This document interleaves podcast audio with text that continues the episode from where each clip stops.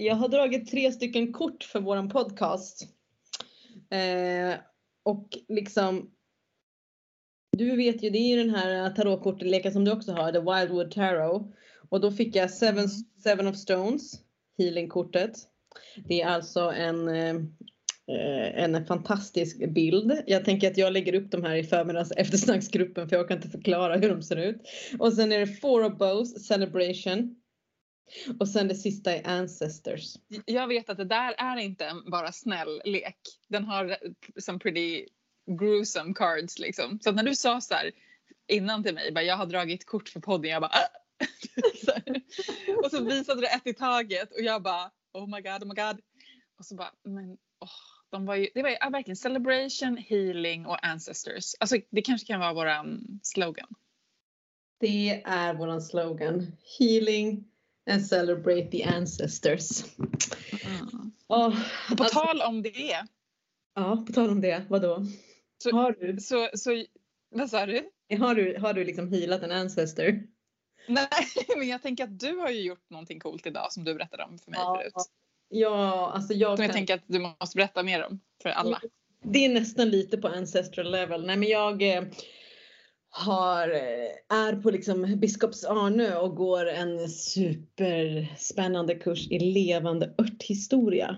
Det är ju från den grekiska, gamla, gamla grekiska världen, romarriket, den eh, arabiska världen och hur liksom de här um, lärarna liksom går samman, hur de översätts, vad som behålls, vad som tas bort, de olika tankarna kring eh, medicin Eh, Eh, när läkare kom in i bilden, när liksom eh, man lämnar vissa tankar kring folktro, andar och vidskepelse och börjar närma sig skolmedicinen fast med örter såklart. Och sen så otroligt intressanta eh, saker som händer när eh, man kommer upp liksom till Ja men typ, typ, typ för tusen år sedan då är det så här, då översätts jättemånga gamla texter eh, från grekiska och arabiska till latin. Och samtidigt är det en kvinna som också översätter texter som heter Trota. Och hon gör en bok som heter Trotula. Den har jag liksom hört talas om tidigare. Men den är så cool. För där liksom, då sitter vi och liksom så här, på lektion, jag älskar att vara på lektion också, men på lektionen så bara kommer liksom så här, den manliga författarens översättning och sen då hennes översättning av olika liksom ja, men menstruation, förlossning, abort, missfall, dödfött barn. Och han har ju ibland inte skrivit någonting eller bara skrivit så här massera. Och hon har liksom verkligen så skrivit eh, massera lår, vulva, det, eh, gå ut och ta en promenad för att få igång verkar. Om barnet är dött eller levande spelar ingen roll. Om när barnet ska ut, gör så här. Om det är en man i rummet, be den mannen att inte titta den födande kvinnan i ögat. Alltså så här, tagit liksom och nedtecknat barnmorskornas kunskaper. Och då också många kvinnors kunskaper kring typ så här. Det finns ju flera, eh, flera liksom grejer och det är så otroligt ovanligt bland nedtecknat örthistoria att det finns det perspektivet. För det är nästan bara på den manliga kroppen. Mm. Så jag är ju bara så eld och lågor och typ vill att du och jag ska åka på studieresa dit till hennes örtagård oh. i Salerno i Italien. Och... Det låter inte så tråkigt va?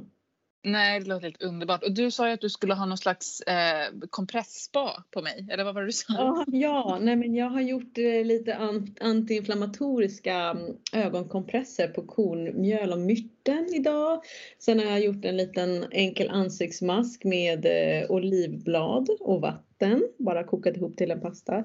Sen har jag också gjort eh, så här, väldigt eh, fantastisk eh, vattenmelon paprikamos för liksom så svullna leder. Och eh, fått liksom så här, jobba ganska mycket med kroppskonstitutioner och symptom. Vad som är bra för att liksom, ja men någon som är varm behöver kanske det här och någon som är, behöver något mer eh, svalkande är en sån här liksom, kroppskonstitution. Jag har alltid liksom läst om det men inte jobbat praktiskt. Så det känns sjukt kul att jag eh, har gjort det idag och jag gjorde ett kall liksom så för, mer för en kolerisk person, det vill säga att man behöver lite lugnande kylande. och gjorde liksom både drack te, gjorde omslag, eh, fotbad och den här fotmassagen. Jag började frysa sen. Jag fick liksom Oj! Ja. Du var inte tillräckligt het från början liksom? Nej eller? exakt och det är det som är problemet att min eld är nog inte så stark så att när jag tar för mycket kyla då blir det för kallt. Och tar jag, liksom, så, men tar jag för mycket eh, jag skulle behöva liksom en mixad, jag skulle behöva få igång elden lite mer inifrån och sen kanske kyla på vissa ställen.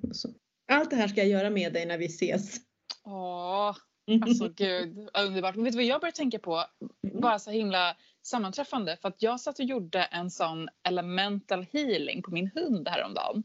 Alltså mm. precis det som du pratar om nu, att jobba med liksom balansen mellan elementen. Jag fick bara mm. liksom för mig att jag skulle göra det, att jag behövde göra det. Och så, så satt jag liksom, så låg hon på sidan och så satte jag mina händer på henne och så typ jobbade jag med varje element liksom. Och så ja, de, är, de är ju med i den gamla läran. Alltså man utgick ifrån fyra elementen och sen mm. fem spirit. Eh, mm. i de här gamla då, skrifterna från de lärda männen som höll sig väldigt långt fram till mm. 1600-talet. It makes sense somehow liksom. Ja, eh. hon hade i alla fall eh, för mycket luft i sig och det makes sense för hon är Libra. Hon är Libra. Har hon också ätit massa liksom, så här saker som hundar kan göra och när de behöver tugga mycket för att de inte kan riktigt få ner det? Eller har man ätit gott och vanligt? Gör man det om man är Libra? Eller jag fattar inte. Nej, men om man har mycket luft i kroppen. Man får in mycket mer luft i magen. Typ. Ah, ja, hon tuggar ju hon tuggar ju mycket saker på saker hela tiden. Mm. Gud vad intressant. Det tänkte inte jag på att det hängde ihop. Nej, det gör mm. Jag tänkte att det var bra att tugga på saker men mm, kanske ska balansera lite där också. Ja, det är bra att tugga på saker men det är inte bra att svälja för mycket luft. Okej, okay, uh, eh, vi är så himla peppade för att kanske släppa in och presentera våran eh, fjärde sommarpratare. Och sista. Ja, exakt. Mm. Sista sommarprat. Eh, och vi ska prata precis om det som vi har börjat prata lite grann om en händelse här nu, kroppen. För att våran gäst är ju sjuksköterska. Mm. Sjuksköterska och yogalärare Antonia Armini Gabler.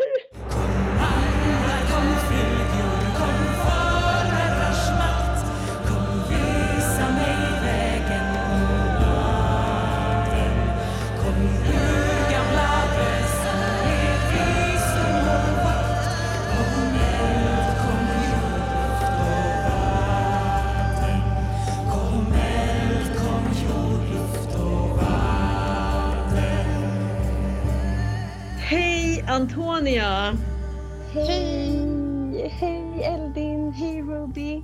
Hej! Alltså skulle man kunna säga att du nästan bjöd in dig själv till våran podcast? Kan man säga så? Det kan man väl göra. Och alltså jag, sen jag blev mamma då har jag blivit så himla bra på att be om hjälp och ta för mig. För det är någon form av så överlevnadsstrategi när man har fem barn. Så att, eh, eh ja, det kan man säga att jag gjorde. Jag bjöd in mig själv. Och, men jag är så himla glad för att du är här. För att, alltså det, vi har en så himla speciell relation för att vi kände varandra när vi var typ barn. Mm. Mm. Och nu alltså, så har vi bara liksom genom Ruby kommit tillbaka. Fast vi har kommit tillbaka till varandra innan också i så, som liksom vågor typ. Och så. Precis. Ja. Och för mig är det ju, eh, ja, men det var så kul, jag lyssnade på er när ni pratade om jag tror du, prat, du berättade liksom om din uppväxt lite, alltså hur ni kom in på, på det här mm. magiska och med hästen och med Artemis och sådär. Och du, i vår uppväxt där i, i Bromma som vi kommer ifrån så var du en av de här personerna som liksom gjorde att jag klarade av att vara i min eh, annorlundahet. Liksom. Eh, det var så himla fint liksom, att ha någon som var bara några år äldre som man bara ah shit, men hon är jävligt cool. Hon gör ju ändå sin grej.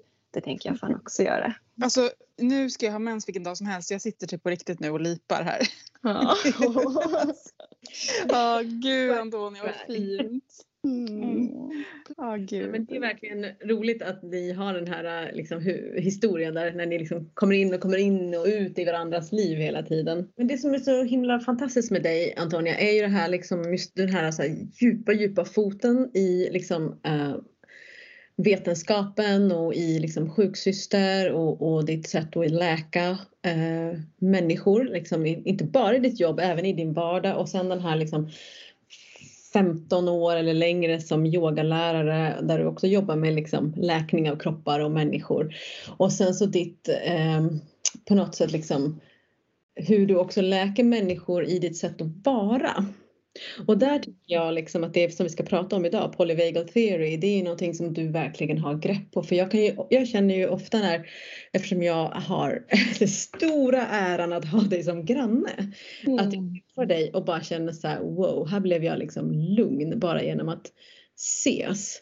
Så att jag tänker lite liksom att, att, att du ska få förklara hela polyvagal-teorin och liksom hur vi kan arbeta med den. Vad har den att göra med liksom vårt roll, våra roller som prästinnor eller i ceremoni och bla bla bla. Men innan vi går in på allt det här apaviga mm. så måste jag få berätta för hela podcastlyssnarna att du är the founder tillsammans med dina döttrar, döttrar om lilla, av Lilla Vulva-klubben. Da, da, da, da. Och för de som inte vet vad Lilla Vulva-klubben är, please do tell us. Ja, eh, ja men Lilla vulvaklubben är en klubb skapad av en åttaåring, en nioåring och en fyraåring eh, som en dag i princip puttade bort mamma, eh, då mig, ifrån eh, snippsaunastolen och sa eh, Hallå, vi vill också ånga. Eh, och sen så började, alltså det var där det började.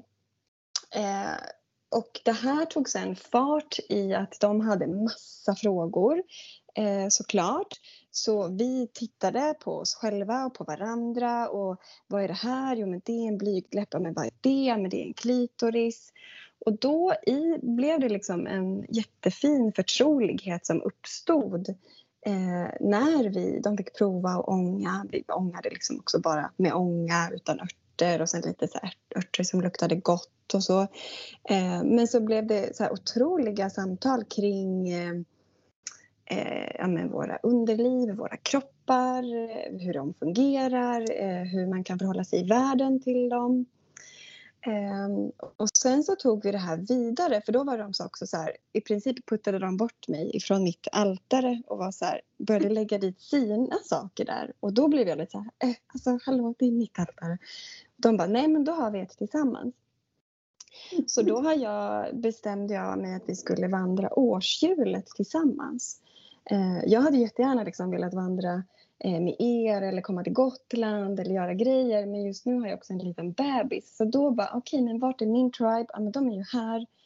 eh, så vi vandrar årshjulet. Eh, mm. Så, så ni, har ni liksom firat lite nu? Nu har vi firat lite. Mm.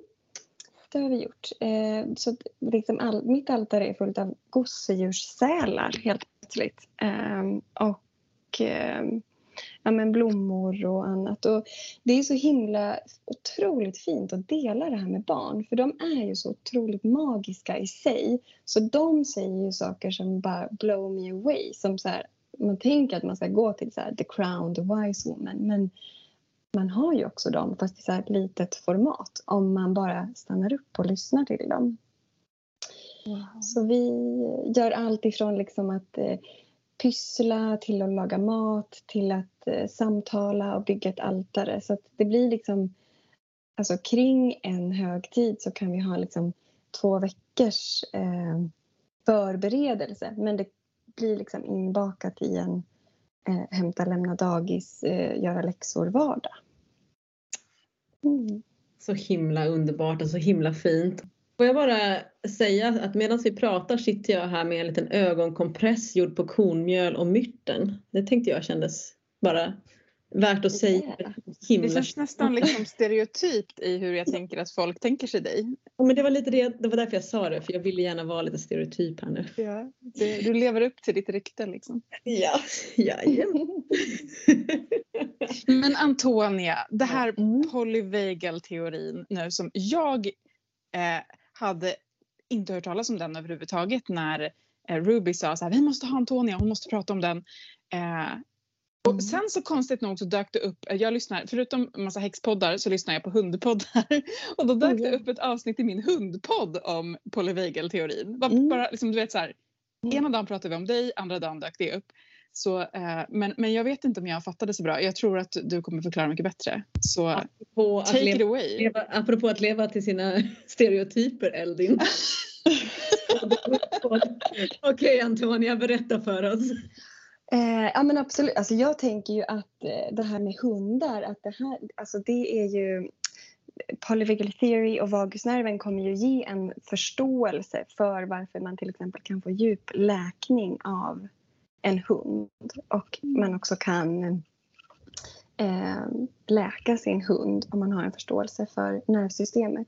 Och det kanske vi ska säga först. Alltså, polyvagal theory, jag är inte jättebra på polygama eh, relationer. Jag vet att ni har en annan jättefin eh, poddavsnitt om det. Så det är inte alls det vi ska prata om utan vi ska in i liksom, eh, nervsystemet och eh, kroppens visdom och samspelet med vår omvärld och varandra.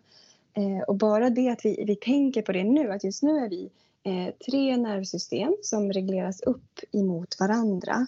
Så vi kommer skapa en viss typ av känsla i varandra bara av det här mötet. Eh, precis som att ni vet, man kan gå in i ett rum och så kan man tänka så här, åh gud, här har ju någonting bad happened. Eller man kommer in i ett rum och bara, usch, här var det, här var det himla nice att vara. Eh, det är ju liksom att vi hela tiden läser av och känner av varandra. Eh, precis som att eh, bara att lyssna eh, på den här podden kommer ju också göra att folk kommer liksom, eh, på något sätt reglera upp sig emot eh, eh, oss just nu. Eh, och det vill jag också prata om sen, om varför er podd är så himla viktigt. Får jag ta det först innan vi kommer in på polyvagal theory? Du får gärna prata om varför vår podd är viktig. Tänker gärna. ja, men jag, alltså så här, som eh, Ruby sa så har jag liksom hållit på med yoga så himla himla länge. Så till slut så blev jag så här, ah, men jag måste ju fatta varför det funkar så himla bra. Så jag vill alltid liksom ta det lite längre, lite nördigare på så här, eh, cellnivå. Och då eh, så är jag också såklart väldigt intresserad av inflammation eftersom att jag träffar ju folk som har så himla mycket inflammation. Och då har jag stött på så otroligt spännande forskning där man bevisar att känslan av förundran är antiinflammatorisk. Så, eh, och en förundran, eh, det kan ju vara någonting som barn är ju i förundran hela tiden. Alltså min eh, nio månaders bebis hon ser typ ett dammkorn och hon får den här aha wow-upplevelsen. Men hos mer vuxna människor som lever i en ganska så här stressad på värld så eh, kan vi nå känslan av förundran framförallt i naturupplevelser eller när vi får de här eh, aha wow-upplevelsen. Och då har man sett i forskning att när vi får den upplevelsen så är det någonting som kallas cytokiner, som är, eller IL-6 kallas just de här cytokinerna. De är proinflammatoriska markörer, så vi ser alltså att vid, när vi får inflammation så får vi de här cytokinerna i kroppen.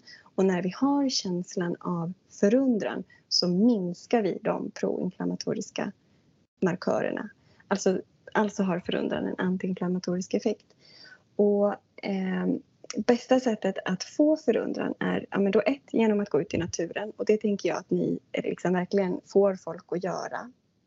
Att få de här magiska upplevelserna av eh, naturen.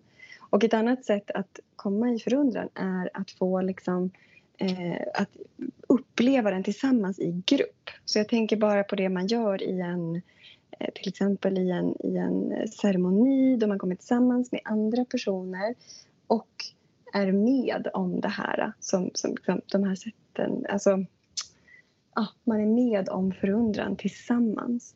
Så kommer man också få den här antiinflammatoriska effekten. Det som också förundran gör är att det, det skapar en längtan hos människan eh, till att vilja förändras. Också det är ju bara magiskt. Nu säger inte jag att folk ska förändras för att man är liksom dålig på något sätt. Men alltså att vilja ha någon form av förstå eller liksom att vilja ha en förståelse för sig själv. En annan förståelse för sig själv och sin omvärld. Eh, bara det är ju enormt stort. Det är ju Alltså, jag- verkligen spot on ceremoni verkligen. Och jag tycker Mm. att det också känns så himla fint. Det som slår an när du säger det här i mig är också det här att man kan ofta känna att de där stunderna av förundran är liksom lite så här.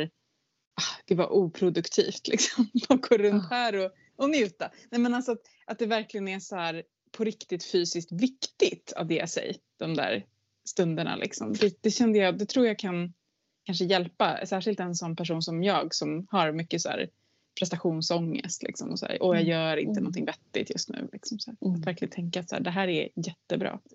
Men det blir också så här att jag tycker när du säger ordet förundran, det klingar an jätteväl i mig, men, men jag tänker också att helt plötsligt så tycker jag att ordet återhämtning kommer bort från att alltid liksom läggas ihop med ordet vila. Just det. Mm. Att åter, Jätteviktigt. ja, Mm. återhämtning ofta är så här att, att folk tänker liksom vila, sova, la la la la. Nej men förundran är avsaknad av eh, kanske rutin, att någonting är annorlunda. Men, men just det där också att tillåta sig själv, som, som Eldin säger, att ta emot det då. Det är så otroligt, eh, jag har aldrig tänkt på det på det sättet, liksom med förundran, vilket otroligt bra ord. Ja, jag tänker att hela den så här magiska världen är ju att Eh, försätta sig i det. Alltså att ge sig ut i liksom eh, ja, försätta sig i eh, det okända och våga ta sig dit. Det är ju väl först då vi också kan, kan nås av det. Och en annan häftig sak som sker vid förundran är ju att alltså vårt parasympatiska nervsystem och vårt sympatiska nervsystem. Det kommer vi också prata mer om sen när vi pratar om det autonoma nervsystemet och polyvagal theory. Alltså så det som Eh, mobiliserar oss och tar oss ut i världen och sen så det som eh, håller oss mer lugna och gör oss mer immobila. Så det sympatiska och det parasympatiska nervsystemet. Vid förundran så är de eh, lika potenta i kroppen. Om man tänker att man sitter på liksom en vippbräda så är det som att den vippbrädan ställs helt eh, neutral. Och det här händer vid bara en, en, en annan gång i kroppen. Vill ni gissa vad det är? Eller ska jag säga vad det är? Det är någonting juicy, yummy. Ja, jag tänkte orgasm. Orgasm. Det var mitt Ja! första jag tänkte. Ja! Precis. Så förundran och orgasm kan göra det här med vårt nervsystem. Mm. Ja, this life I like to live. Men eh, polyvagal hur, hur uppstod den teorin? Är den gammal eller är den modern eller var kommer den ifrån? Och... Mm. Polyvagal theory eh, kom, eller liksom, det är inte en teori för det första. Det är liksom eh, belagt eh, vetenskaplig sanning, men den heter det. Eh, poly betyder ju flera och vagal står för vagusnerven. Så eh, man vet nu alltså att vi har två grenar utav vår vagusnerv. Och den, eh, den här forskningen, neurovetenskapliga forskningen, eh, gjordes 1995. Så den är ju inte så här sprillans, sprillans ny. Eh, men varför, liksom, varför har man inte hört om det är väl för att den framförallt har tillhört eh, psykologin och eh, traumapsykologin framförallt. Så somatic experience, jag vet inte om ni känner till den, vissa olika så här embodiment praktiker, alltså där man har sett att men man kanske inte får så himla mycket hjälp av att bara liksom prata hela tiden om allt som händer utan vi måste förkroppsliga det på något sätt. Eh, där har liksom polyvagal theory ligget till enorm grund för, för liksom att ta fram de här olika eh, terapiformerna. Men nu pratar man om det här allt mer och mer också i takt med att liksom, vad är ett trauma och vem är traumatiserat? har också skiftat. Eh, tidigare har man kanske tänkt att, att ett trauma tillhör en person som har varit med i krig eller har varit med om en jättehemsk olycka eller som har blivit, varit med om en hemsk, hemsk våldtäkt och så tänker man att ja, men jag kanske inte har varit med om ett, om ett trauma. Eh, men det vi vet idag är ju att bara att leva i en eh, ja, men mer kanske så här västerländsk eh, kultur eh, skapar ett trauma.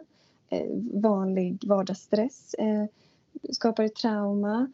Vi har kollektiva trauman med olika former av förtryck som rasism, och ojämställdhet. Jag tänker liksom fan hela metoo-rörelsen när den bubblade upp, vilket otroligt trauma. Eh, också förmödrars trauman, alltså sånt som jag inte har varit med om. Eh, men jag har ju legat som ett ägg i min mamma och det ägget låg också i min mormors eh, mage när hon var min mamma. Så hur vi eh, liksom påverkas epigenetiskt av det. Eh, och också sånt, alltså häxprocesser, hur, saker vi bär på. Eh, så att jag tänker ju att polyvagal theory inte bara är till för dem som tänker så här, åh jag har det här, jag vet exakt vad det är jag har varit med om och nu ska jag jobba med det. Det kan ju också vara anknytningstrauman eller sånt som har hänt innan vi har blivit helt medvetna.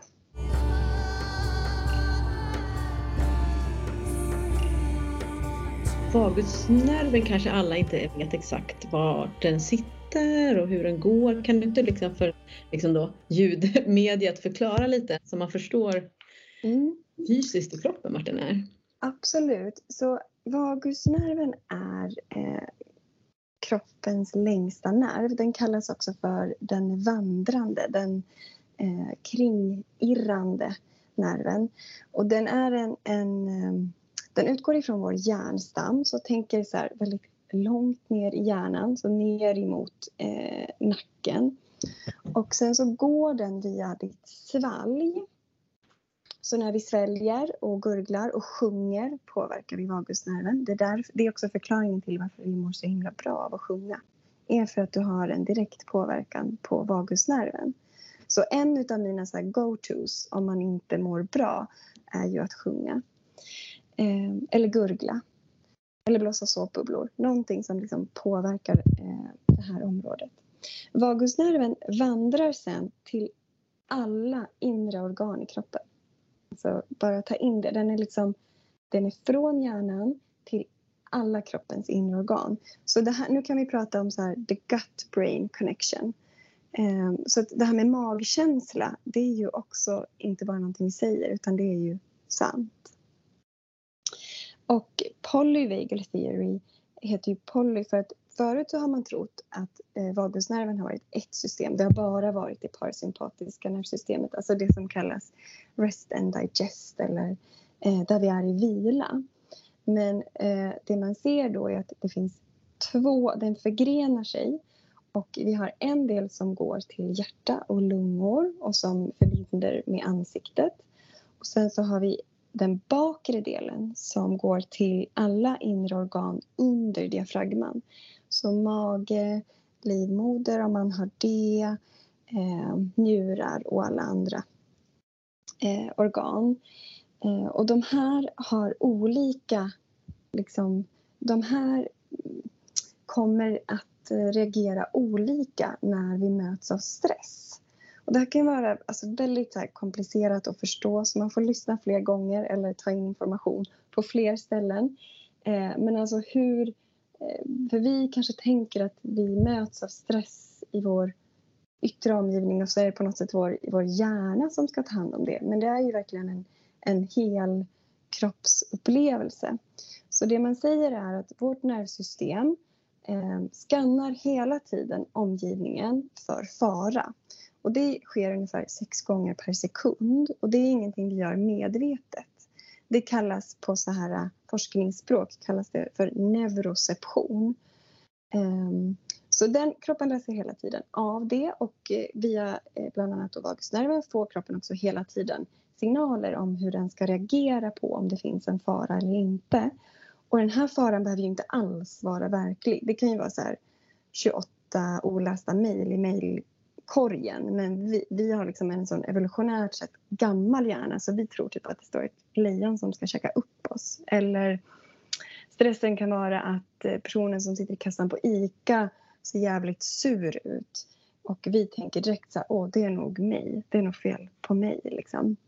Då är det vår neuroception som har liksom läst och tolkar saker. Den vill ju vår hjärna gärna ge en förklaring på allting så vi kommer ju oftast med vår ryggsäck med vår historia. Så här, ja, jag brukar kalla det för klassikern. Att, ja, men det är nog för att jag är för att jag inte är tillräckligt bra, för att jag sa det här, för att jag har... Eh, ja, men så kanske man till slut i klassiken så landar man i någonstans en sluttanke om att ja, men det är för att jag är värdelös. Liksom. Eh, men för att komma tillbaka så kroppen läser ju då hela tiden av vår omgivning. Och sen så kommer den i en överlevnadsmekanism om man upplever en fara göra ett val. Och första valet är att vi vill gå till det som kallas för eh, den sociala vagus. Alltså om vi upplever en fara så vill kroppen först lösa det här med hjälp av eh, kommunikation. Så att till exempel att I try to befriend you. Eh, ja, men jag vill då eh, söker ögonkontakt, jag söker trygghet. Eh, men om det inte funkar eller om jag har haft väldigt många upplevelser av att det inte funkar. För säg att som barn att jag upplevde stress eller någonting hotfullt. Men mina föräldrar tog liksom inte upp mig utan de, kanske, de lät mig gråtas till sömn i min eh, spjälsäng till exempel. Då kanske det här har skapats att när jag upplever sen en fara då kommer jag inte ens söka den här sociala kontakten eller jag kommer inte ens försöka lösa det utan jag går direkt liksom, till nästa försvar. Eh, och nästa försvar som kroppen har är det som kallas fight or flight. Eh, och det är, det här är ju så komplicerat, men det här är alltså då inte en del av vagusnerven utan det här är en del av ditt stresssystem.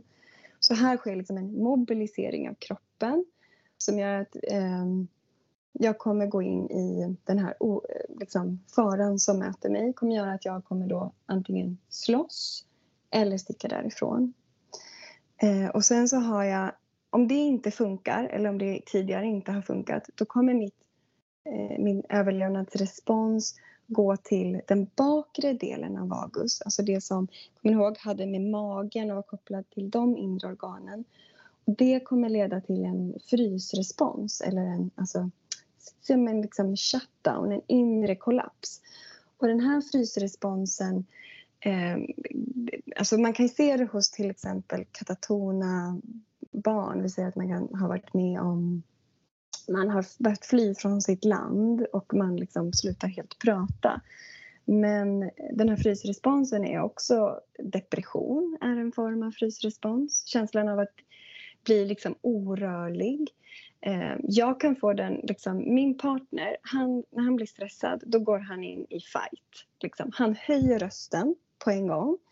Eh, han liksom nästan tar som ett steg fram och typ bröstar upp sig. Och det kan vara liksom emot mig. Han skulle liksom aldrig lägga handen på mig eller någonting. Men, men han är liksom, hans respons vid stress blir att han blir liksom, yeah, I'm gonna man up for this. Och eh, min respons är alltid att gå till liksom den här inre kollapsen. Så det som sker i mig är typ att jag kan nästan fysiskt känna så här, där dog mina tarmrörelser. Och eh, jag kan börja må illa. Eh, så vi har alla liksom, vårt eh, allas eh, system ser olika ut och man kan se det lite som att det blir som en autobahn, att den, den responsen man är van att ha eh, kommer ju kroppen också välja. Och det är, inte, det är också viktigt när man lär sig om det här och ser att det är ju ingenting som är bättre eller sämre. Vi kanske tänker att ja, men, jag hade varit mycket bättre om jag alltid hade kunnat eh, vid eh, faror eh, söka kommunikation och vara där. För att man pratar om dem liksom lite som ett stoppljus och då är det gröna, det är ju det här första då vi, den främre delen av August där vi liksom eh, har den här sociala tryggheten och kontakten och sen så den andra delen av stoppljuset, det här orangea då har vi det här fight or flight, alltså mobiliseringen. Och sen så det röda är då den här frysresponsen. Eh, men jag tänker också att en del av det här är att inte gå in med skam när man lär sig om sitt eget nervsystem. Utan framförallt att man eh, ser på sig själv med kärleksfulla ögon och bara typ tackar sin kropp. Ja, men den, den visste inte. Eller det, det var liksom ett sätt för mitt nervsystem att rädda mig ur fara. Eh, och den här frysresponsen, jag ser den liksom överallt i samhället idag eh, på grund utav alla de här olika traumorna som vi utsätts av bara av att vara människor. Eh, mm. Nu måste jag sitta här på mitt kalla röllekaté lite så, så så, så får ni säga någonting klokt om, om det ni tänker att ni har hört. Alltså jag eh, sitter här och tänker jättemycket på det. har jag gjort innan det här avsnittet också. Eh, för att jag har liksom en personlig erfarenhet av vagusnerven. Mm. Som mm. jag till dagens datum inte vet vad det, liksom, vad det var som hände. Mm. Eh, och det var när jag skulle göra en abort. Mm. Och, um, och så, ja, det gjorde jätteont såklart. Och alltså det var en medicinsk abort. Och så plötsligt så känner jag liksom hur det bara så här, hur jag bara typ domnar bort. Hur jag bara typ försvinner liksom. Och mm. håller på att svimmar liksom. Mm. Och då så säger sjuksköterskan bara det är ingen fara det är bara en vagusreflex mm. eller bara en vagus mm. någonting. Så här, mm. Jag bara jaha jag känner som att jag håller på att dö typ liksom. Uh, och efter det så fick jag en sån reaktion typ, till och från i flera år. Alltså det kunde mm. bara komma när som helst. Så bara började jag typ kallsvettas och ja men typ svimmade mer eller mindre. Liksom. Mm. Uh, och så, ja, det, det, var det enda liksom så här, det är en vagusreaktion. Man bara jaha vad ska jag göra med den informationen liksom. Det är skitjobbigt och jätte liksom, traumatiserande i sig liksom, att bara så här, försvinna. Liksom. Mm. Och det är ju en, en försvarsmekanism. Om man pratar om liksom en vagal synkope, alltså en vagal svimning. En del kan ju svimma för att de ser blod till exempel. Eller man ser en nål eller eh, och det är ju också att vagusnerven, alltså man kan säga att vagusnerven är ditt parasympatiska nervsystem. Så det är det här rest and digest och lugn och ro. Men om det får en enorm skjuts, då går det så långt så att det kan gå till en svimning. Eller att man kan kräkas eller eh, liksom kissa på sig, bajsa på sig. Eh, mm. Och vagusnerven är ju eh, och precis som det du beskriver så är det så faktiskt som Stephen Porges, som, eh, den här fantastiska, han är, om man liksom gillar det här så, så googla Stephen Porges för att eh, det är få eh, män också, man ska säga, inom forskarvärlden eh, som är så jäkla bra och fina och som kan prata om, om de här sakerna på ett otroligt bra sätt. Eh, och det var ju via eh, ja, men, när man liksom såg att eh, liksom vagusstimuli både kunde leda till att spädbarn under en förlossning kunde överleva med hjälp av eh, vagus eller att utgången liksom gjorde att de dog. Så det var så man, man, man förstod att vagusnerven var delad.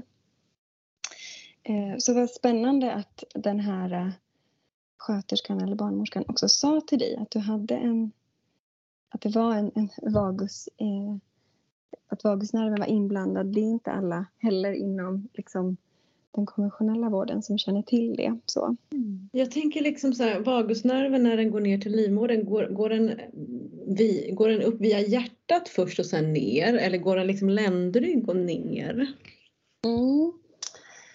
Eh, det kan jag inte helt svara på och jag tänker inte eh, killgissa här. Men de är, det, är, det finns ju också, alltså vagusnerven ger ju också då förklaringen till liksom, eh, hjärta-livmoderkontakt eller till exempel att eh, som när man försöker hjälpa personer att föda barn så vill man till exempel att man ska slappna av i käkar och ansikte och läppar.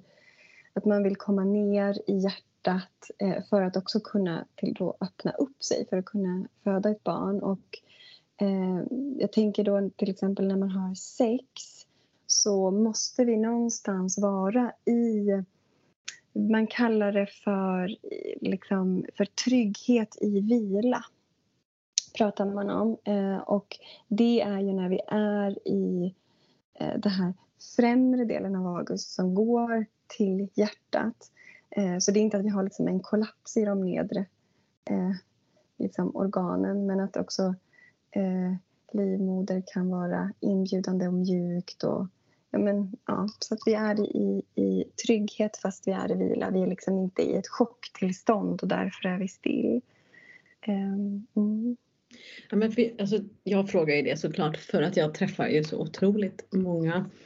Eh, framförallt liksom kvinnor och personer med livmoder eller man har haft livmoder och även om livmodern liksom är borta eller att man inte har haft någon så, så är det som att det ändå, det var därför jag frågade för jag upplever liksom att det sitter så att, börja, att jobba med den här vagusnerven och polyvagal theory jag, jag, tycker att det är liksom lättare för mig att hitta en ingång då i mm. var ska vi börja någonstans? Just det. Mm. Med avslappning, ska vi börja prata, ska vi liksom göra ceremoni, är det liksom det här, behöver du egentligen sitta med andra människor i cirkel eller någonting mm. annat sådär. Och det, det, tycker jag är så um, jag tycker det är så himla intressant för att i, om man pratar annars, blodkärlen går ju från hjärtat ner till livmodern. Alltså det är ju så här mm. av, av, anledning här. Men så tänkte jag, undrar hur den går? Den går säkert på baksidan men det måste vi ta reda på Antonia. ja, och jag har verkligen så lite med eh, eh, lys och lykta, vad säger man, eh, velat ha liksom exakta anatomiska bilder. Jag vill gärna se också hur vagusnerven kommer ner till cervix också för att se många som kanske blir koniserade eller där man tar bort delar av livmodertappen, hur det fungerar. Och det jag har hittat däremot, så att om någon hör det här och bara “jag har den boken, kontakta mig”. Um, men eh, det man har sett i forskning är ju att eh, till exempel personer som blir med om att de blir paralyserade men ändå kan få orgasm, då ser man att vagusnerven tar över eh, orgasmjobbet från då liksom, eh, ryggraden. Så, så den är ju där nere och stöttar. Liksom. Mm. Men nu, eh, jag har ju en hemlig fråga till er och jag tänker att den är jättebra att ta nu.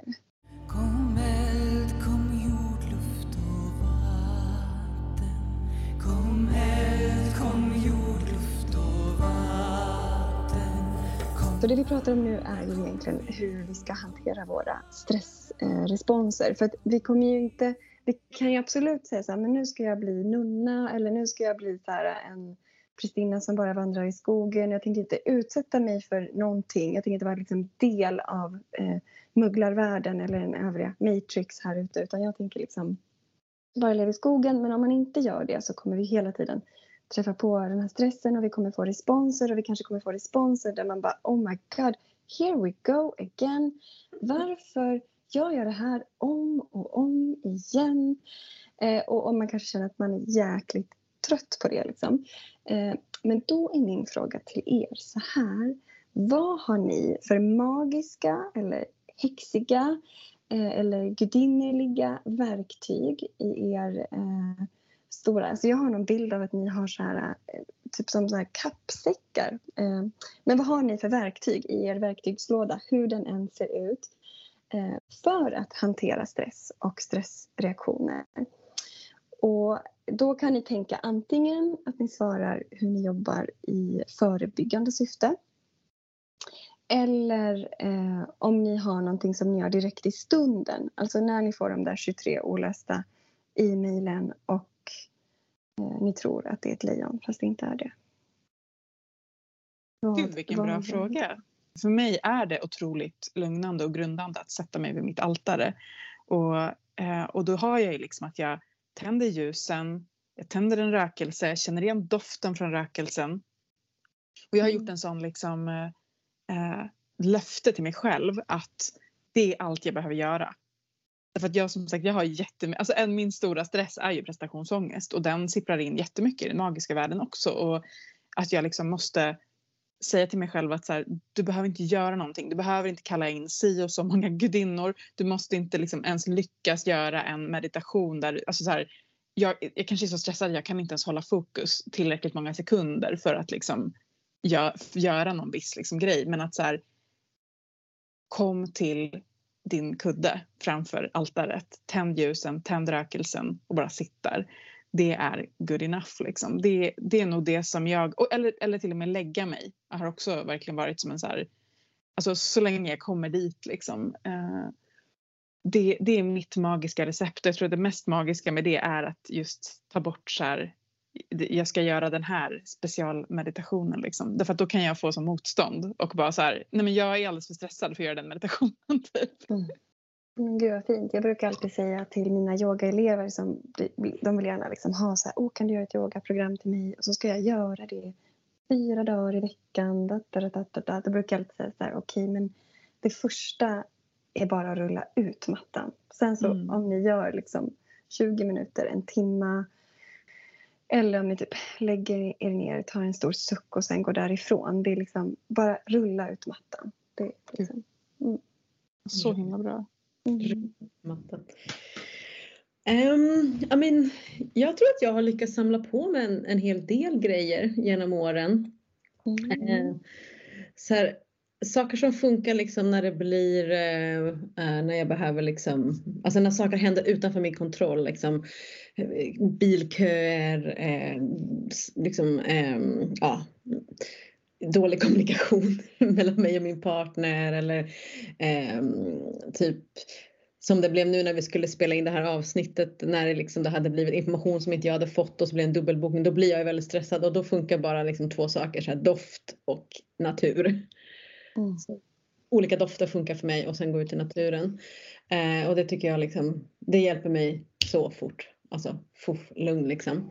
Eh, sen i förebyggande så tycker jag liksom att alltså två saker har hjälpt mig mest av allt. Det, det första är att jag, liksom, jag har blivit en slacker. Alltså jag är så jävla ointresserad av detaljer. Eh, liksom det, som, eh, det som jag inte kan påverka skiter jag i. Eh, om jag har sagt att jag ville baka en tårta men jag hann inte så drar jag bara till Konsum och köper en tårta så är det bara inget problem med det exempelvis. Mm. Um, och jag ville duscha men äh, jag hann inte. Så här, jag är skitsnygg ändå. Alltså så här, jag bara slack liksom. Så här, så här, ni får ta min... Det, det, det är som det är liksom. Så. Och, och jag tycker att jag, jag, jag kallar det liksom lite slacker. För att jag känner mig som en, i början kände jag mig som en slacker. Alltså på riktigt, jag kände mig så slarvig och dålig och oförberedd och, och nej, jag borde ha tänkt på det liksom. Men jag behövde ju verkligen bryta upp med eh, good girl mm. och den som hade allt under kontroll för jag bara haft det för länge. Så slacken i förebyggande syfte. Eh, då får man också ta ibland att man har att någon så här, kanske säger åt en att shit nu glömde du så här, oj nu gjorde man det liksom. Men jag har ju koll liksom på det viktiga liksom barn, hämtning, laga mat och så här. Så jag är inte en total slacker så det är inte helt sant. Men i min värld så är det det ordet som jag liksom rör mig med. Så här, mm. Okej, okay, jag släpper det där liksom. I'm gonna slack. Och sen det andra är ju att bli vän med min eh, könsherpes. För att sen jag blev vän med min köns, könsherpes eh, mm. så att så här, den, alltså, den bara kommer och så knackar den på och säger så här knack, knack, knack. Så en liten, liten känning i underlivet. Eh, har du sovit? Frågar hon. Har du ätit? Eh, har du eh, kanske liksom, eh, tagit någon bensträckare? Allt det här säger min liksom, eventuella liksom, potentiella utbrott av könsherpes om jag har kört på för hårt. Men nu kommer ju den så himla tidigt. Alltså den kommer, det blir, jag får ju inte något utbrott längre. För att jag kan hugga tag i att så här, that's my best stress friend. Mm. Eh, eh, det är ju liksom, vi, det, är ju, det här är mitt tillstånd. Hon ska bo i min kropp tills jag lämnar jordelivet. Så då, då får du liksom best friends liksom. Så att det, där är jag väldigt tacksam till min könsherpes. Mm. Eh, eh, att, den, att den finns där och, och Berätta för mig innan, innan någonting går överstyr. Jag blir ju helt så lycklig när jag hör det. Alltså, för att du har verkligen, alltså, det är så himla viktigt budskap tänker jag. Att, för det, andra kanske inte just har könsherpes men man har oftast någonting. Om det är liksom magen eller det är att man så här helt plötsligt lägger in mobilen i kylen eller man liksom blir så här, har reaktioner, man blir så jätte, alltså reaktioner som inte är proportionerliga till eh, vad som egentligen har skett eller man har eh, jättekalla händer kan också vara ett sånt symptom för att allt blod är inne i de liksom, vitala organen så är man så här jättekall om händerna så vet man att man är stressad. Men jag tänker att alla har sin könsherpes. Ja. Eh, och att liksom ha en förkroppsligande praktik om det är liksom att man är på gudinnans väg eller om man yogar eller vad det än kan vara. Eh, att man då skapar den relationen till, eh, till kroppen. För som du säger, kroppen är så jäkla smart och den talar ju om för oss hela tiden. På så här fancy forskarspråk så heter det interception. Att, att den talar om för oss så här, gå och kissa, gå och drick. Mm. Eh, gå och lägg dig och vila för du är trött. Men vi är ju så jäkla bra på att inte lyssna på det så vi kanske är mer så här, nej men jag håller mig eh, tills det gör jätteont. Liksom. Eller jag dricker inte vatten och jag är trött men jag tar nog kaffe istället. Mm. Eh, så att, eh, ja vilken, vad fint att du också kan se eh, könsherpesen på ett sätt som en, en gåva. Ni, ni hör rubrikerna nu om det här skulle vara en stor podcast. Så här, bara, podcast uppmanar till könssjukdomar. podcast kan leda till könssjukdomar. Podcast kan leda till herpes. Alla unga vill ha herpes. nej men, ja, ja, nej men det är inte, var inte en lätt resa. Det är jättejobbigt liksom eftersom det börjar ju som en fiende. Men sen så förstår man ju också att man har ju varit fiende till sin egen kropp i väldigt många år. Så att, eh, ja, alltså att hitta det där eh, förebyggande grejen och förebyggande stresshanteringen tror jag oftast ligger i kroppen eller att man måste eh, bryta vissa osunda förband man har med relationer. Man behöver ta slut på relationer men man måste bryta vissa mönster som stressar i relationer. För det triggar ju och det är min, det är min fråga faktiskt. Jag tänker så här. Mm. Uh, du sa i början där att liksom, nu är vi tre nervsystem som möts och då tänker jag så här. Mm, när typ som när jag, om jag Eldin håller ceremonier och jobbar med gudinnan och, och, och, naturen, då blir det ju som att vi kopplar upp med naturen och med gudinnan eh, och det blir ju liksom eh, jag undrar liksom vad som händer när vi går in i det här undermedvetna eller ceremoniella arbetet. Är det liksom som att polyvagal theory är det den som gör att man sen känner den här gemenskapen med cirkeln? Att man har kommit närmre? Eh, skulle man kunna liksom säga att det här är gudinnans språk? Eller är, nu, är det bara att jag är ute och så vill det? Eller? Nej, men jag skulle säga, alltså kanske inte... Alltså jag skulle vilja säga att det är vagusnervens språk. Eller att, eh, för man pratar om att man kan liksom tona vagusnerven. Man kan tänka sig att man tonar en muskel, eller hur? Men, men att vi liksom främjar vagusnerven, alltså vi främjar vårt nervsystem att göra bra val. Och eh, det gör vi ju när vi är i naturen, när vi är tillsammans. Och det som kommer ske inom ramen av vilken respons vi möter och vad, liksom hur vi kommer välja så är det ju att vi kommer vara i den här främre delen. Alltså vi kommer vara i den hälsosamma delen av vårt parasympatiska nervsystem. Vi kommer inte vara i den här eh, frysresponsen där vi stänger av. Vi kommer förhoppningsvis inte vara i den här kampen eller flykten utan vi kommer vara i det som är liksom den sociala kontakten. Eh, det är där vi har alla de här också antiinflammatoriska effekterna. Det är där vi kan smälta vår, vår mat, smälta vår omgivning. Det är där kroppen får vila.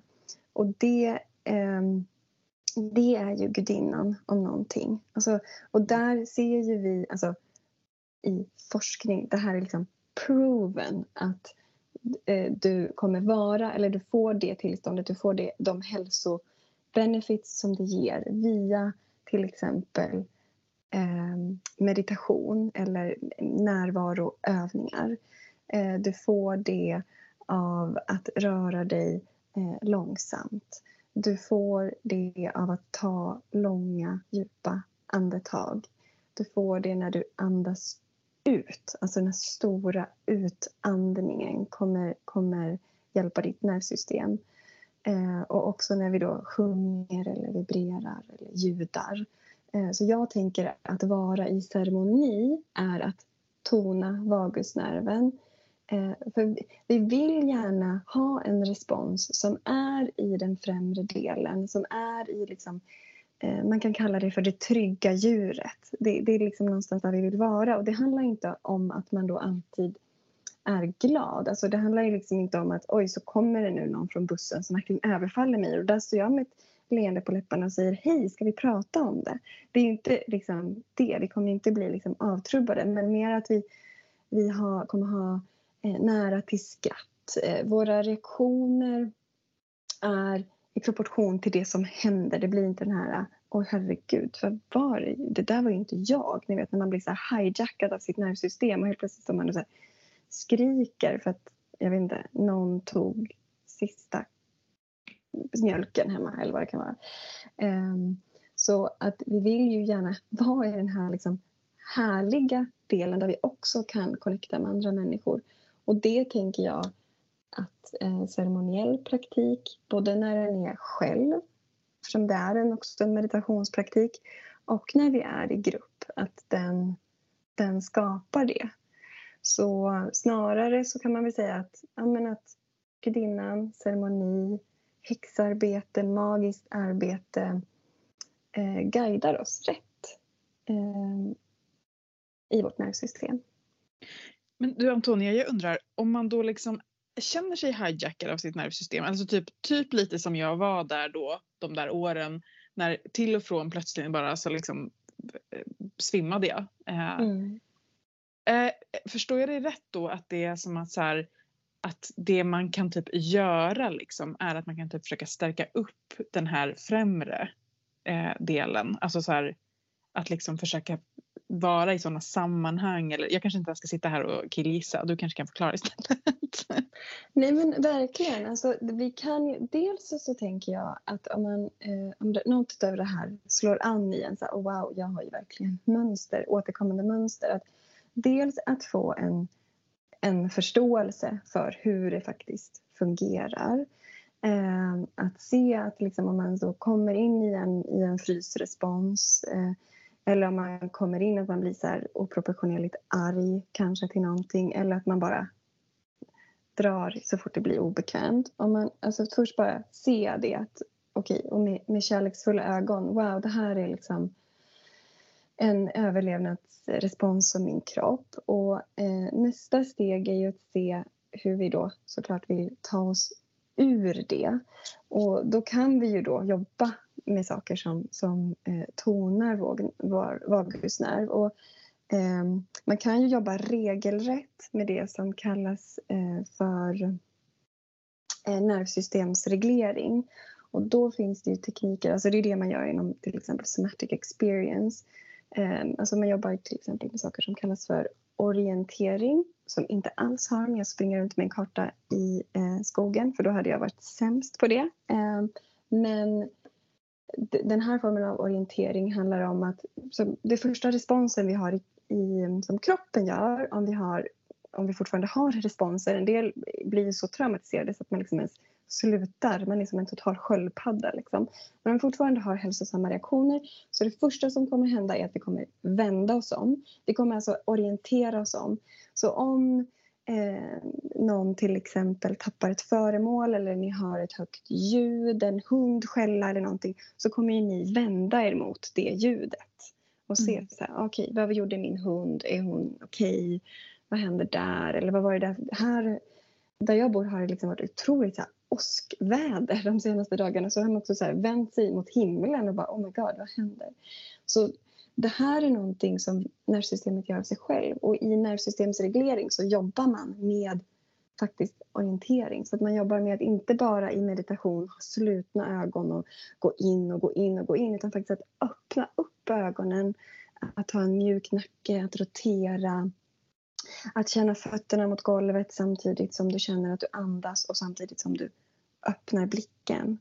Eh, man kan jobba med att titta ut väldigt långt för att sen titta väldigt, väldigt nära. För att vi, vi är oftast, vi har ganska smal blick oftast och tittar bara väldigt, väldigt nära på saker. Så att det finns sådana specifika övningar inom nervsystemsreglering.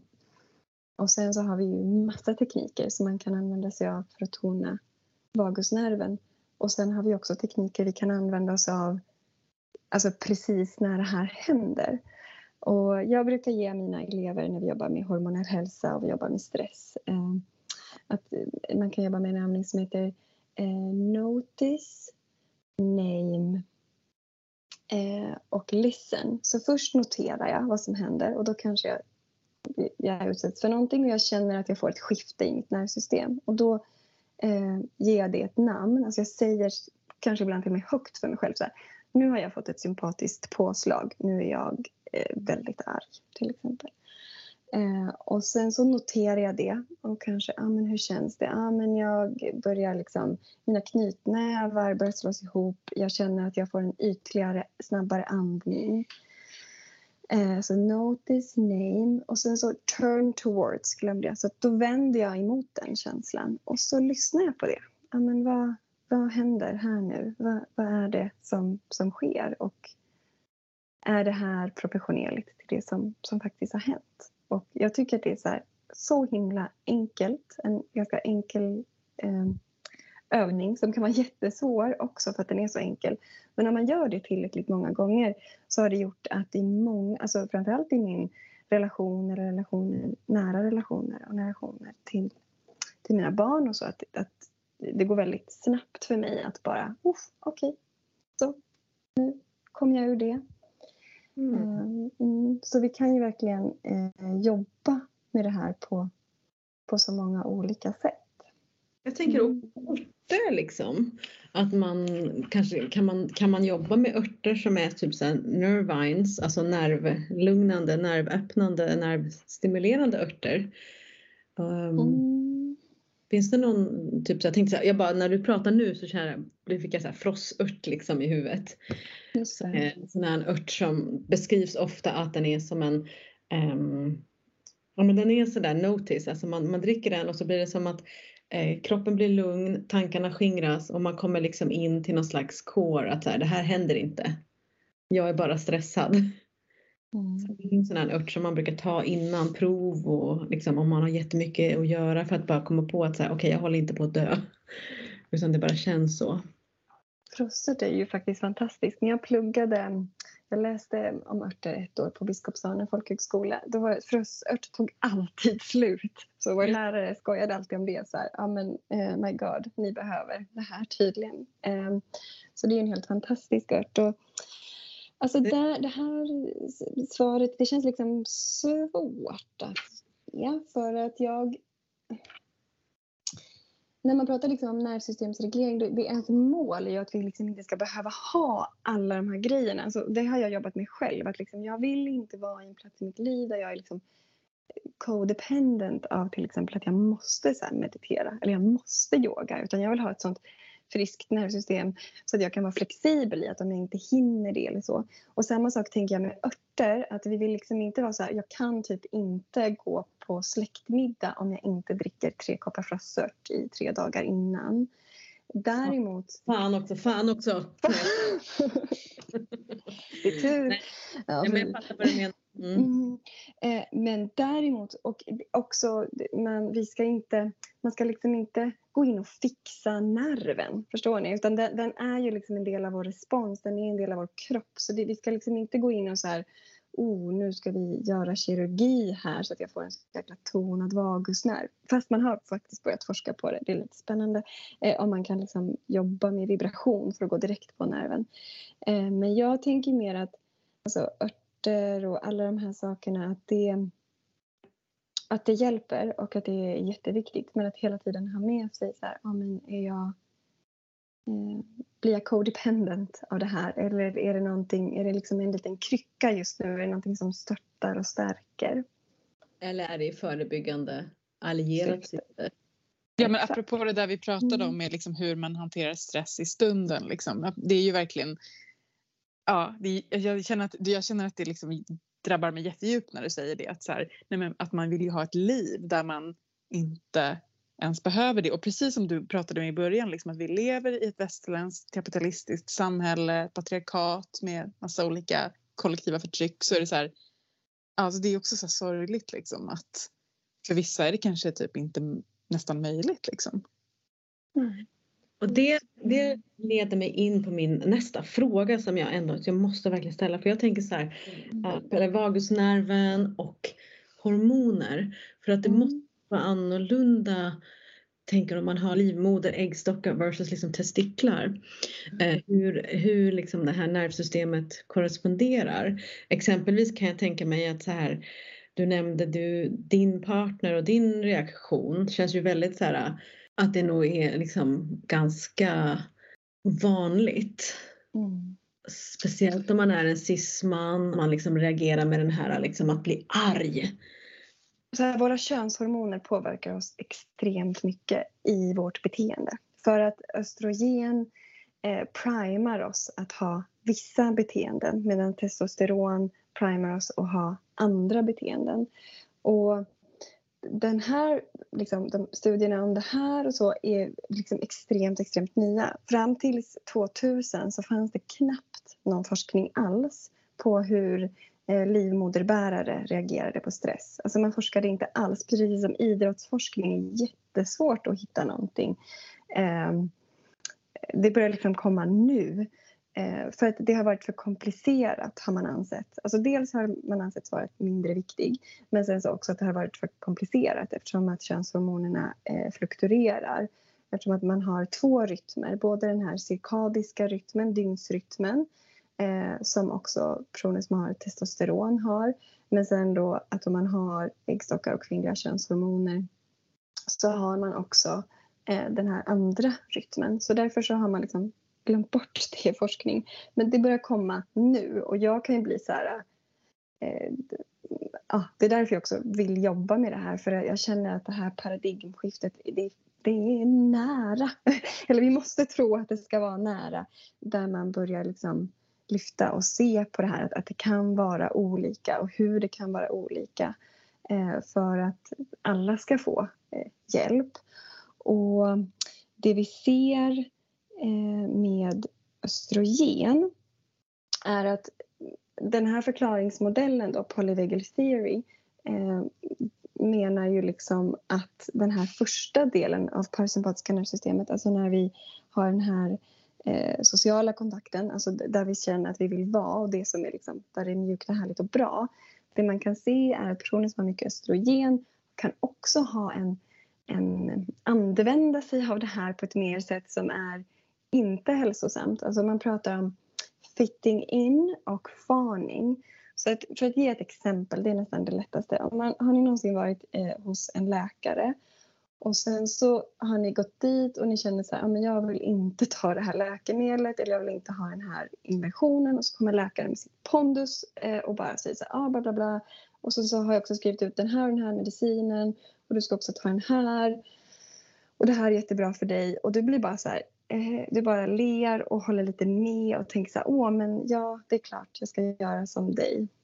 Då är det här liksom en respons i den främre delen av vagus som gör att vi upplever ett hot men istället för att ha liksom en hälsosam eh, fightreaktion skulle man kunna säga, istället för att ha en hälsosam mobilisering så blir kroppens sätt för att gå in i överlevnad att liksom plisa den här personen, att liksom ställa sig in Eh, Ehm, att, eh, liksom, eller att typ kamouflera sig själv och så helt plötsligt går man hem ifrån det här läkarbesöket och känner sig helt överkörd.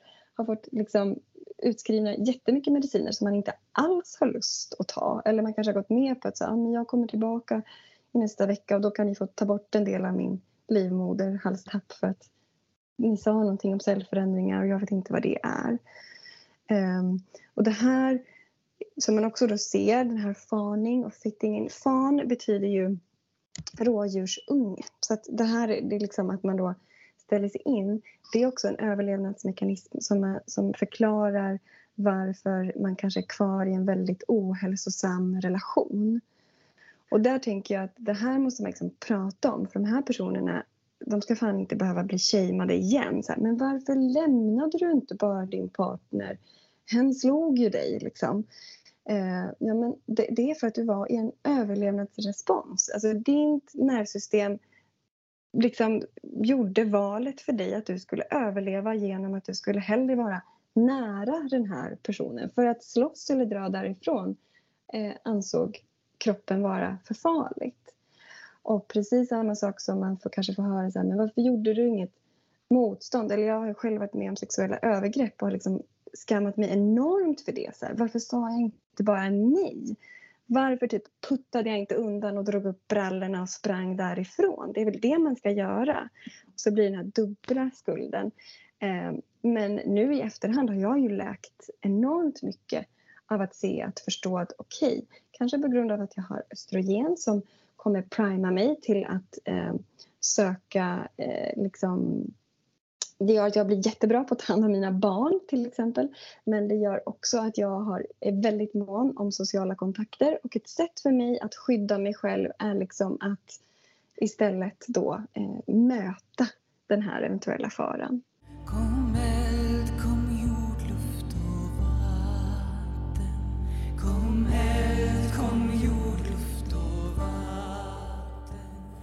Alltså hur mycket är saker determinerat? Alltså just när man pratar om, om så kroppen, då låter det, alltså ibland låter det som att, så här, att det är någonting man liksom har, men det verkar också vara jättepåverkat av så erfarenheter. Alltså förstår jag det som, att nervsystemet liksom lär sig att ta den här vägen.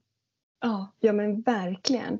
Och mycket går ju tillbaka till hur du är, alltså till din uppväxt. Det är ju liksom någonstans där ditt nervsystem formas. Hur, är liksom, hur funkar det med hormoner då tänker jag? För hormonerna, ni, båda ni två kan ju mycket mer än mig om det men de är väl inte heller statiska liksom? De förändras väl också än livet? de förändras också genom livet och man får dominanser av olika slag beroende på hur vi, hur vi lever. Eh, och Eh, de ändras ju såklart om man gör olika former av hormonbehandlingar eller stänger av på eller om vi medicinerar. Eh, så de här kommer ju också fluktuera.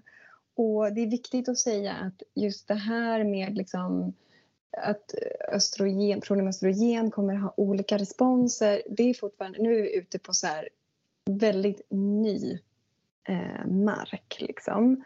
Eh, så vi måste prata om det på ett väldigt så här, eh, utforskande sätt. Så att jag, eh, och det är verkligen som du säger Eldin, att det är liksom det är givetvis inte bara så, okej okay, jag har de här hormonerna, då kommer jag vara så. Utan det, vi måste ju se till helheten hela tiden. Vi måste liksom... Vi kan inte isolera.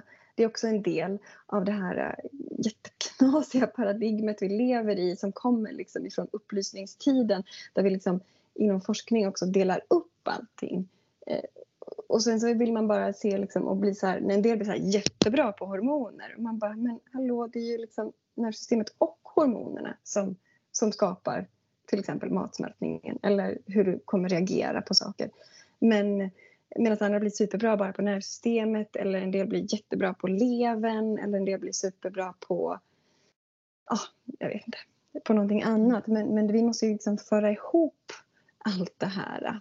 Um, att, jag, eh, tänk, jag, tänker också just att liksom när det gäller hormoner så är ju de också så väldigt liksom, alltså det finns ju så narrativ kring så här, ja, testosteron, det är så här machokultur typ som är då nästan lite så här, ja men eh, ursäktad för att det är ju biologiskt typ. Eller liksom.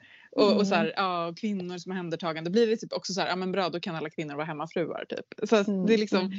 så jag tänker att så här, hur man kan prata om det, hur man kan förstå liksom kroppens eh, ja, betydelse utan att bli deterministisk. Jag tror också så att de, de där uppfattningarna om exempelvis testosteron, det har ju liksom den nya forskningen kring typ eh, testosteron visar ju på MIS, Male Irritable Syndrome, som visar på att om du har för lite testosteron så blir du aggressiv. Mm. Har du, har du lagom mycket testosteron så blir du lugn och harmonisk och omhändertagande, kan hålla space och liksom eh, vara på den plats som du behöver vara på. Förutom då om du tar eh, och eh, fifflar liksom med andra hormoner och kanske anabola, då flippar mm. det över liksom och blir för mycket. Men då är det också utanför eh, Ehm, det som din kropp egentligen kan hantera. Så att jag tror också så att man på något sätt måste tänka att eh, utan att bli terministisk, att hormonerna har en, en viss uppgift i en viss kropp. Alltså för att nervsystemet ska fungera, för att organen ska fungera, för att matsmältningen ska fungera. Och därför så tycker jag att den här polyvagal-teorin kompletterar hormonhälsa och hormonnivå för då kan man också förstå lite mer eh, vissa reaktioner och varför det inte riktigt blir som man hade tänkt sig eh, och varför eh, det, det, finns liksom lite det är flera lager än att bara liksom byta hormoner eller ändra hormoner utan det är den här liksom, eh, kombinationen som skulle behövas i typ exempelvis hormonbehandling. Att man hela tiden jobbade parallellt med polyvagal theory för att lugna. För att det blir ju en stress för kroppen. Jag tycker det är så himla fin och ödmjuk tanke kring att när man liksom eh, behöver andra hormoner för att eh, känna sig som den som man är. Att man inte bara byter hormoner utan att man liksom säger okej okay, vi, vi, kan göra, vi gör det här men vi behöver göra lite mer för att det is not just this. Eh, att liksom den här holistiska synen på hormonhälsan där går ju eh, vagusnerven liksom hand i hand.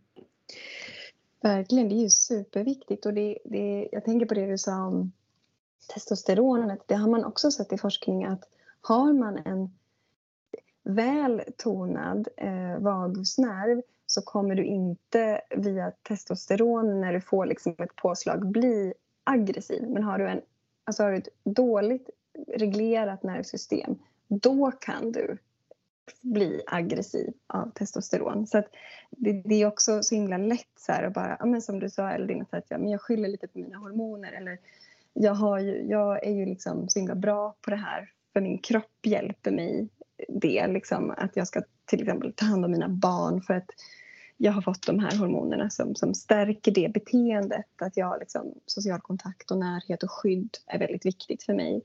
Eh, men jag tänker att eh, snarare att man vet om vilka reaktioner man kanske kommer ha eller varför man har det eller varför till exempel min partner tycker att det går jätte jättebra att bil, barnen inte har bilbälte men jag kan typ bli hysterisk om de inte har det. Även om det är 30 på en, på en grusväg så kan man fortfarande vara Alltså bara vara lugn i det och förstå så här, ah, men okej, vi kanske har olika reaktioner kring olika saker.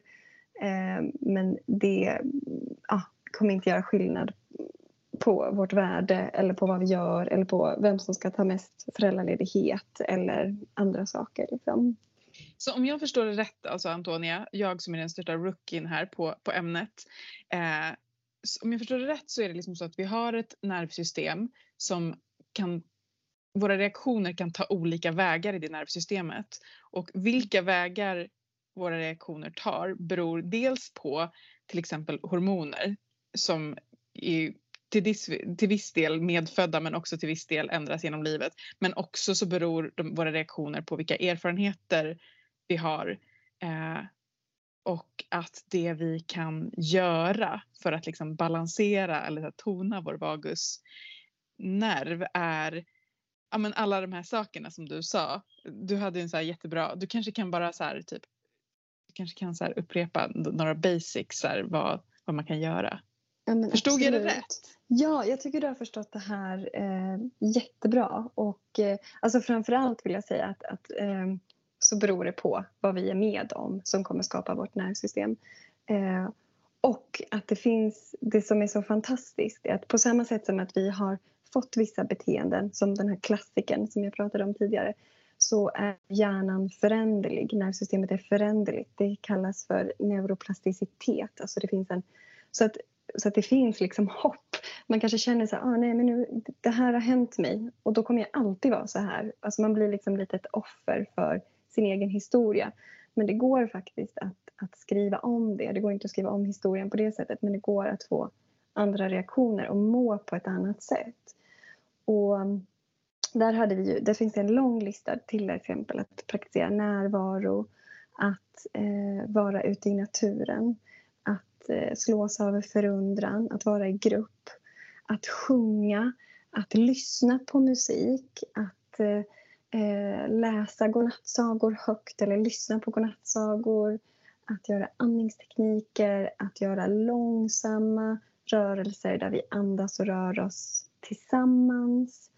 Att känna fötterna emot jorden, att känna hur magen växer och sjunker när vi andas. Eh, det finns så många tekniker. Gurgla vatten, gurgla örtvatten kanske kan vara en häxig grej att göra. Eh, så det finns massa olika sätt att, att jobba på det här. Mm. Så, så otroligt eh, vacker lista. Jag vill göra allt på den där listan kände jag nu. Och bara så här, vi, vi, kanske kan lägga upp en liten minilista i eftersnacksgruppen på Facebook. Bara några av de här övningarna så kan folk göra det i sommar. Tror du du har tid med det Antonia? Absolut, det ska komma. Jag, jag älskar eh, förmödersmakt eftersnack. Jag tycker jag får ja. så himla bra tips och boktips och filmtips och recept och, och, allt möjligt. Så givetvis gör vi det. Och om man bara känner så här, det här måste jag göra så eh, jobbar jag också med yogisk nervsystemsreglering. Så man kan ju gå eh, regelrätta kurser och lära sig jättemycket om det här också. Ja. Vi ska länka till dig och allting och jag tänker att det är så superbra också att liksom så här, få det här, det här infon innan, innan liksom sommaren är helt slut och vi ska börja tillbaka till alla konstiga vanliga rutiner och så här, så har man lite så här heads up kanske. Mm. Mm. Alltså, tack så jättemycket Antonia och du lyckades verkligen få mig att förstå. Vilket jag, efter att jag hade lyssnat på en helt avsnitt av en annan podd, tänkte att så här, nej jag fattar inte det här. Mm. men nu gjorde jag det. Ja, men vad bra. Och det, det, tar ju tid. För mig tar, jag får ju fortfarande aha, förundran, upplevelser när jag läser. Och, och man, man, får ju liksom bara vara snäll med sig själv när man tar in, tar in saker. Precis som, precis som när man är på, på en, en väg med gudinnan. Att ta in forskning och litteratur på ett så här cykliskt sätt istället för att så här linjärt och jag ska kunna det här, jag ska kunna det utan till och, och jag ska vara så jäkla perfekt. Alltså, strunta i det. Älskar det. Så mm. stort tack för att du ville vara sommarpratare sommar 2021. Min stora fråga är nu dock, vi har haft liksom eh, Karin som gäst som pratar liksom om polyamorösa relationer. Nu har vi haft dig som pratar om polyvagal teori. Jag känner att två är bara två, vi måste ha en tredje poly. Ska vi prata med någon som tillverkar polykola då eller? Jag känner jag idéerna är slut alltså. Poly, polyvat. Ett polyfonsång finns ju. Polyfonsång faktiskt, ja. Mm. Poly, polyanal theory. Nej, men jag Nej.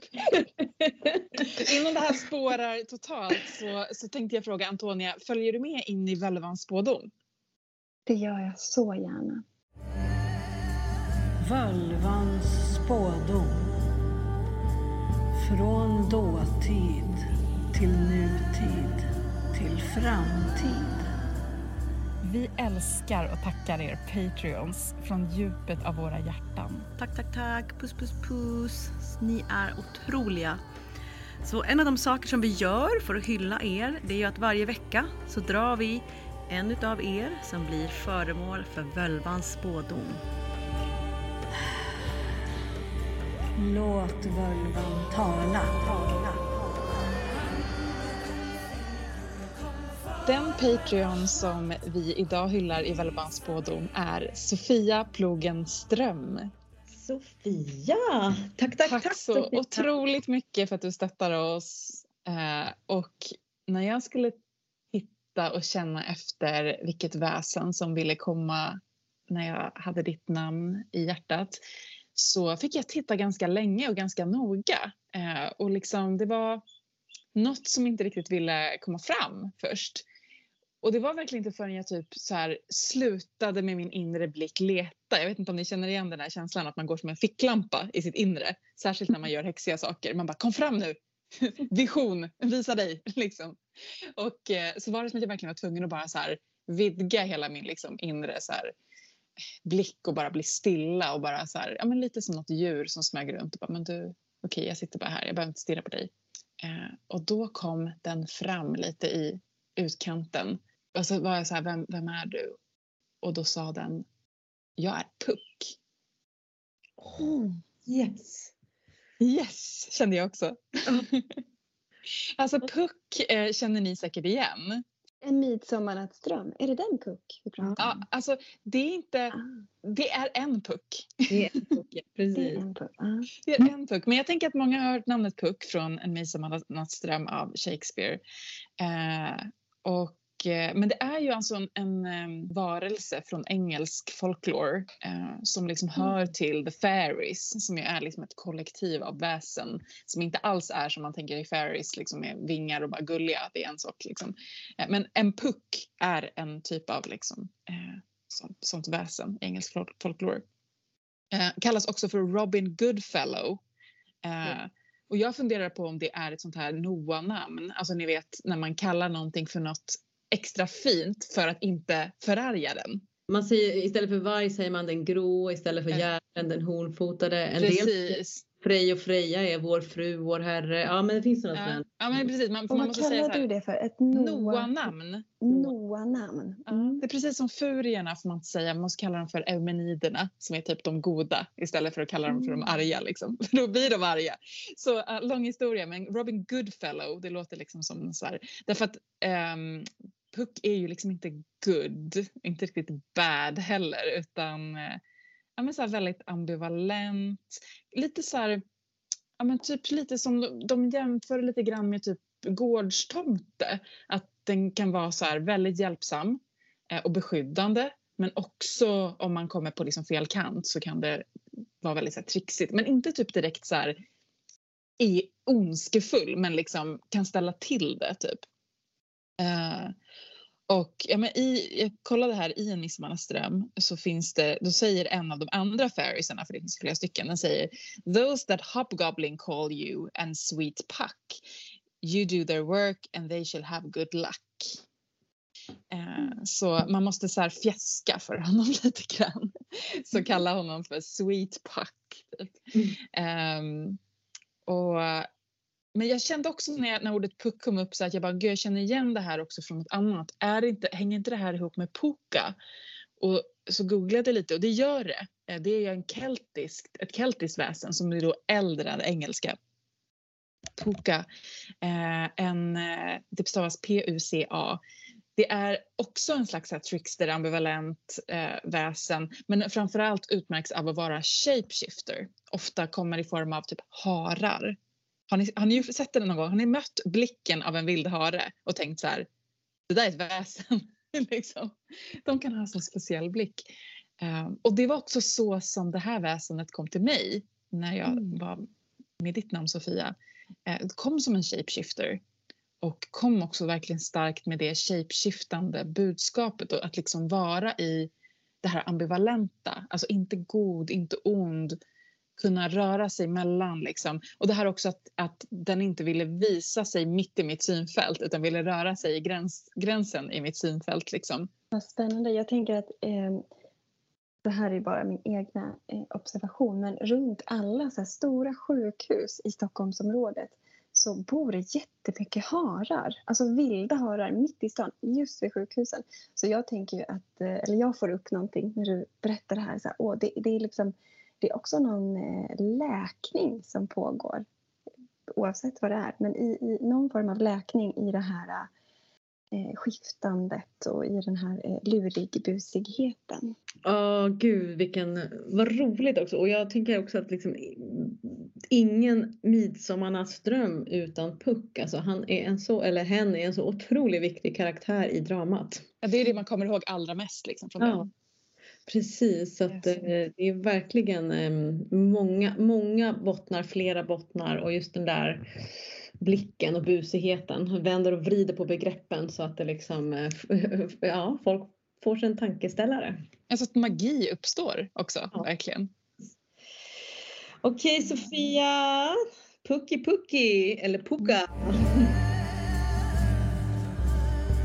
Tusen tack, det här har varit typ så jädrans fantastiskt eh, att få hänga med dig så här länge. Utan, eh, no offense, jag älskar dina barn och din man. Men att vi äntligen fick prata till punkt att någon behövde dig. Och du är så pedagogisk och så kunnig. Alltså att både vara kunnig och pedagogisk, det är liksom... Ja, jag ska njuta av att klippa det här avsnittet så att jag får höra allting igen. Oh, wow, tillbaka kaka till er. Det här har varit jätte, jätte, jättekul. Eh, men jag har faktiskt en sak till ifrån, apropå mina barn. Eh, för när jag berättade om Lilla Vulva-klubben att jag skulle få hänga med er så blev de lite avundsjuka. Eh, och de har också en hemlig fråga. Hinner vi med det? Ja, men såklart! La Vulva-klubben är alltid Ja. prioriterad i förmödrarnas Ja men yay. Ja men det de undrar är ju så här. Om ni hade fått liksom några wise women, några liksom häxor och prästinnor som, som liksom ni fick träffa när ni var barn. Vad hade ni liksom velat höra då? Vad, har ni liksom någonting som de ska ha med sig nu när de är så här ganska liksom, unga och tidigt i sin eh, häxkarriär? Mm. Ja, hade jag träffat någon eh, när jag var ett barn så hade jag velat att den personen sa till mig att magi är verkligt och finns och det är en möjlig väg att vandra med magi i livet. Eh, och så hade jag velat att den sa kom, eh, jag har en hand till dig när du är redo, jag ska visa dig. Mm. Och jag, jag tänker att jag skulle velat höra, hade behövt höra, eh, var att jag inte är ensam och att det finns en cirkel för mig, flera cirklar för mig eh, med människor som är på många sätt precis som jag eller på an, annorlunda än jag men också så här som inte kommer döma mig, som inte kommer tycka att jag är töntig eller känslig eller eh, att jag inte måste liksom bli som alla andra och försöka liksom ändra på mig en massa. För att jag kommer träffa människor som, som tycker att jag är supermagisk och vill vara magiska tillsammans med mig. Gud vad fint. Jag ska spela upp det här för dem och jag är så tacksam för, eh, för att de får växa upp i det och ha, jag hade ju dig till exempel då Elvin och andra personer som tillät mig att liksom växa upp till en ganska Eh, som jag nu har förstått, eh, queer person då. Eh, även om jag själv alltid tyckte att jag varit rätt vanlig så har jag insett att jag kanske inte är det. Men det är ju så fantastiskt att mina barn får liksom ha jättemånga sådana här förebilder. Ehm, så med, liksom, med tack och med kärlek till er ifrån Lilla Vulva-klubben. Att ni också tar upp och normaliserar eh, någonting som så många eh, tycker är så viktigt. Så. Och Lilla Ja. Vulvaklubben, om ni skulle fråga och liksom så här, förmiddagsmakt, mig och Eldin, eh, vad skulle ni vilja lyssna på i podcasten? Det vill vi veta. Mm. Den kan- frågan får du ta med. Mm, mm. vilken bra fråga. Mm. Mm. Ja, tack Lilla Vulva-klubben och puss puss och puss puss Antonia och Ruby. Och eh, hej då sommarpratare och eh, snart är det bara du och jag igen älskling.